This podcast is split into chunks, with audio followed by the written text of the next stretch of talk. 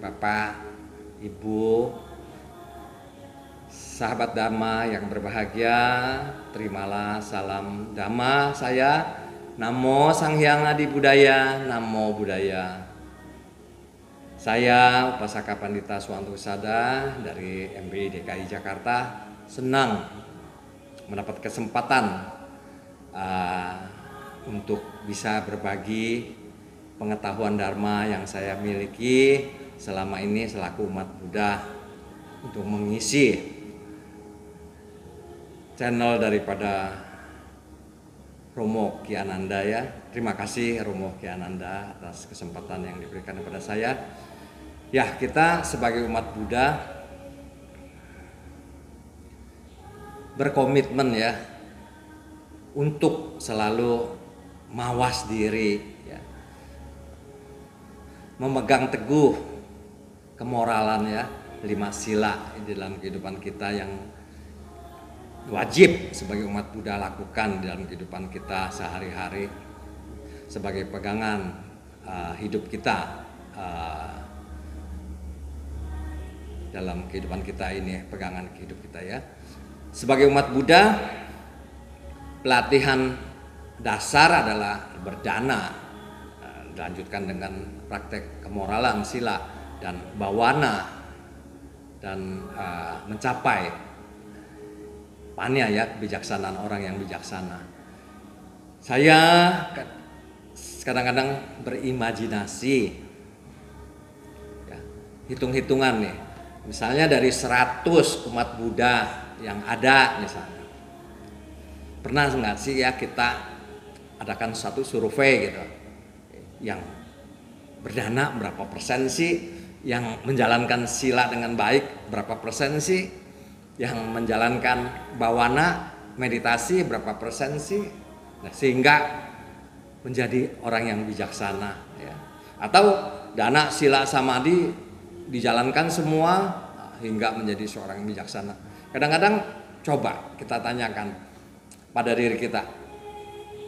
Angka yang didapat dari 100 itu untuk menjadi seorang yang bijaksana, angka optimis atau angka pesimis.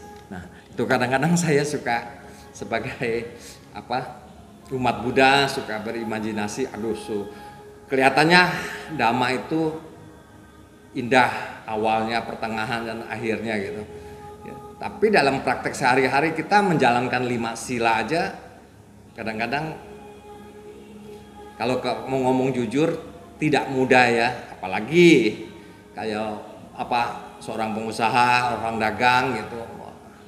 Kadang-kadang modal kita belanja misalnya 50 ribu kita jual kepada pembeli misalnya 100 ribu, 110 ribu ya misalnya atau Terus ditawar, Pak 100 ribu boleh nggak atau 90 ribu boleh nggak? Ya kita kadang-kadang suka berkata, ya modal kita aja 100 ribu, gimana kita mau jual modal? Kita kasih untung lah 5 ribu, 105.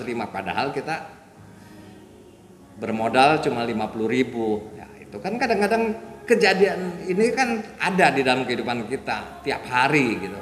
Dan juga kita dagang bukannya baru, kita udah kebiasaan habit kita sudah sekian puluh tahun ya, sekian 40 tahun, 30 tahun berdagang uh, tapi hal-hal sepele kadang-kadang ya kita berpikir ya empat apa sila yang keempat aja kita sulit untuk jalankan dalam kehidupan sehari-hari apalagi kadang-kadang ya nafsu indrawinya ya apa uh, menjalankan praktek tidak melakukan pembunuhan. Wah, banyak sekali kita di, dihidangkan makanan-makanan lezat yang fresh gitu ya.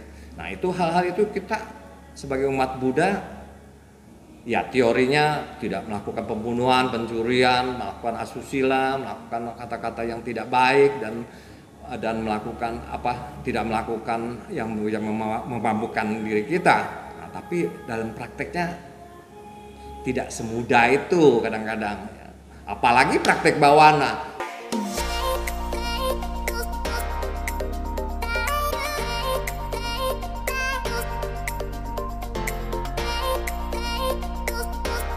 Coba kita imajinasi dengan 100 orang itu yang betul-betul mau praktek bawana berapa orang? Saya perkirakan kalau bisa dapat 10 orang aja sudah bagus. Ya, dari 100 umat gitu. Kadang-kadang kita tahu persis gitu. Begitu. Yuk, kita adakan uh, meditasi one day uh, sitting misalnya. Yang daftar paling 20 orang, 30 orang, 40 orang dari umat Buddha misalnya satu wihara itu ada sekitar 3000, 4000 yang mendaftar paling 30 orang berapa persen gitu dari bawana itu, dari meditasi itu aja kita tahu bagaimana kita bisa menjadi orang yang bijaksana. Nah, itu praktek kita sebagai umat Buddha ya kita harus terus melatih diri kita ya. Ya, kita introspeksi apakah ajaran-ajaran Buddha Dharma sudah kita jalankan dalam kehidupan kehidupan kita sehari-hari. Ya, kita introspeksi sudahkah kita menjalankan lima sila itu dengan baik? Sudahkah kita lebih bijaksana atau kita malah jadi penuh dengan kebencian, penuh dengan keiri hatian. Kadang-kadang dalam kejadian sehari-hari kita tahu kesombongan kita timbul, keangkuhan kita timbul gitu. Kalau ngelihat orang lain yang lebih miskin misalnya, yang lebih susah, materinya gitu atau yang lebih bodoh pengetahuannya ya. atau yang rupanya face-nya jelek misalnya kadang-kadang kita penuh dengan kebencian look down orang-orang tersebut gitu ya kan kita kadang-kadang penuh dengan kebencian terhadap orang tersebut. Padahal orang tersebut tidak punya salah apa-apa tapi kita sudah mempunyai image pandangan kita punya pikiran terhadap orang tersebut uh, penuh dengan kebencian ya. Jadi kesel nggak level dah lo bergaul sama saya lo jauh lah kita menghindari diri dari teman-teman yang seperti itu. Atau sebaliknya kita lihat teman-teman kantor misalnya naik pangkat eh, diangkat sama bos eh, naik jadi manajer nggak atau menjadi jadi kepala produksi iri hati kita ya kan ngeliat tetangga ganti mobil iri ya Apalagi kalau melihat kita orang yang kita benci, wah jauh lebih maju dari kita. Ya kita nggak rasa kebencian kita timbul. Ya melihat orang lain yang lebih rendah, kita merasa kesombongan kita keluar, keangkuhan kita keluar ya kan. Rasa apa keakuannya sangat besar, ya, kesombongannya besar keluar. Ngelihat orang lain yang lebih maju, kita juga kesal, penuh dengan kebencian. Jadi kita introspeksi dari kita, kita apakah kita termasuk tipe orang tersebut ya? Apakah kita termasuk orang yang look down orang lain? Apakah kita termasuk orang yang iri melihat orang lain lebih maju? Kadang-kadang di dalam kegiatan sosial ya dalam organisasi sosial, organisasi yang nirlaba. Orang pemimpin apa di, diangkat jadi seorang pemimpin jadi ketua misalnya tidak disukai ya diri hati wah kalau bisa kakinya dipegang erat-erat tidak boleh naik ya jadi dicegal dengan segala cara supaya tidak bisa jadi ketua ya. Itu banyak terjadi dalam kehidupan kita sehari-hari kita lihat di mana saja fenomena ini terjadi dalam kehidupan sehari-hari ya. Jadi introspeksi diri kita termasuk orang tipe orang-orang tersebut ya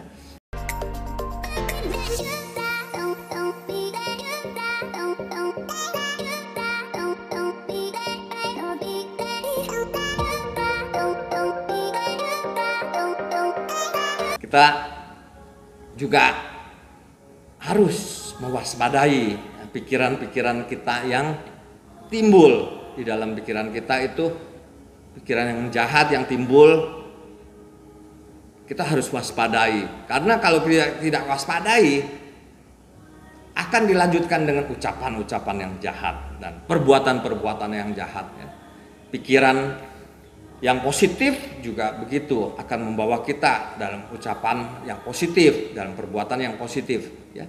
Karena pikiran merupakan pelopor, pikiran merupakan uh, pemimpin ya. Pikiran merupakan pembentuk ya. Jadi kita dengan pikiran kita yang baik, dengan ucapan kita yang baik, dengan perbuatan kita yang baik, itu kalau kita lakukan terus-menerus akan menjadi satu habit di dalam kehidupan, menjadi satu karakter di dalam hidup kita ya. Guru Agung Buddha juga mengatakan ya dalam Dhamma pada ayat 1 dan 2 ya, barang siapa punya pikiran baik ya, ucapan baik dan perbuatannya baik, ya, kebahagiaan akan menyertainya. Demikian juga kalau orang yang memiliki pikiran yang jahat, ucapannya jahat, perbuatan jahat, dipastikan penderitaan di dalam kehidupan ini juga akan didapati. Apalagi setelah kehidupan ini pasti akan apa terlahir di alam yang sangat uh, sulit sekali alam alam apa bawah ya empat alam bawah ya alam binatang lah alam uh, raksasa asura lah apa apa alam setan lah alam neraka awiji ya itu harus kita waspadai pikiran-pikiran kita ya. Nah kita sebagai umat Buddha juga harus introspeksi menjaga pikiran-pikiran tersebut dengan apa apa dengan sati dengan awareness ya. Uh, ucapan kita sebelum kita mengeluarkan ucapan sebelum kita melakukan perbuatan ya. Sati awareness di dalam diri kita ya, ya kita belajar dhamma tujuan akhir kita adalah menjadi orang yang bijaksana dan menjadi orang yang bijaksana harus dapat merealisasi eh, pantai seberang tujuan akhir kita yaitu nibana ya. Nah, bagaimana untuk menjadi orang yang bijaksana? Ya kita rajin-rajin mendengarkan dhamma, ya mendengarkan uh, apa ceramah-ceramah.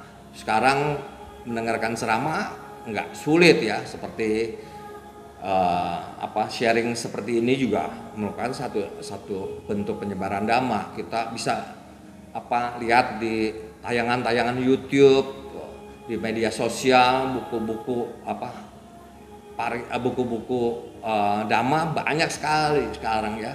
E-book juga sudah ada ya sekarang nggak usah beli beli buku ya langsung download aja di uh, media sosial di handphone kita kita udah bisa belajar dhamma ya itu belajar dhamma masih variati ya harus apa yang kita belajari apa yang kita dapati harus kita praktekkan ya kita pahami ya, pemahaman dharma agar kita menjadi orang yang bijaksana ya.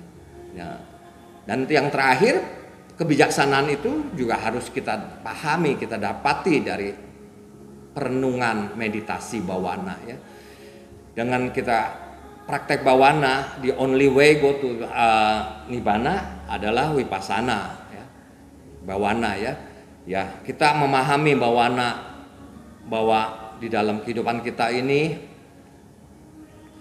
tidaklah kekal ya anicca ya. kita pahami dengan tidaknya kekal itu maka tidak ada apa konsep keutuhan aku gitu dan dengan tidaknya ada aku itu maka tidak ada.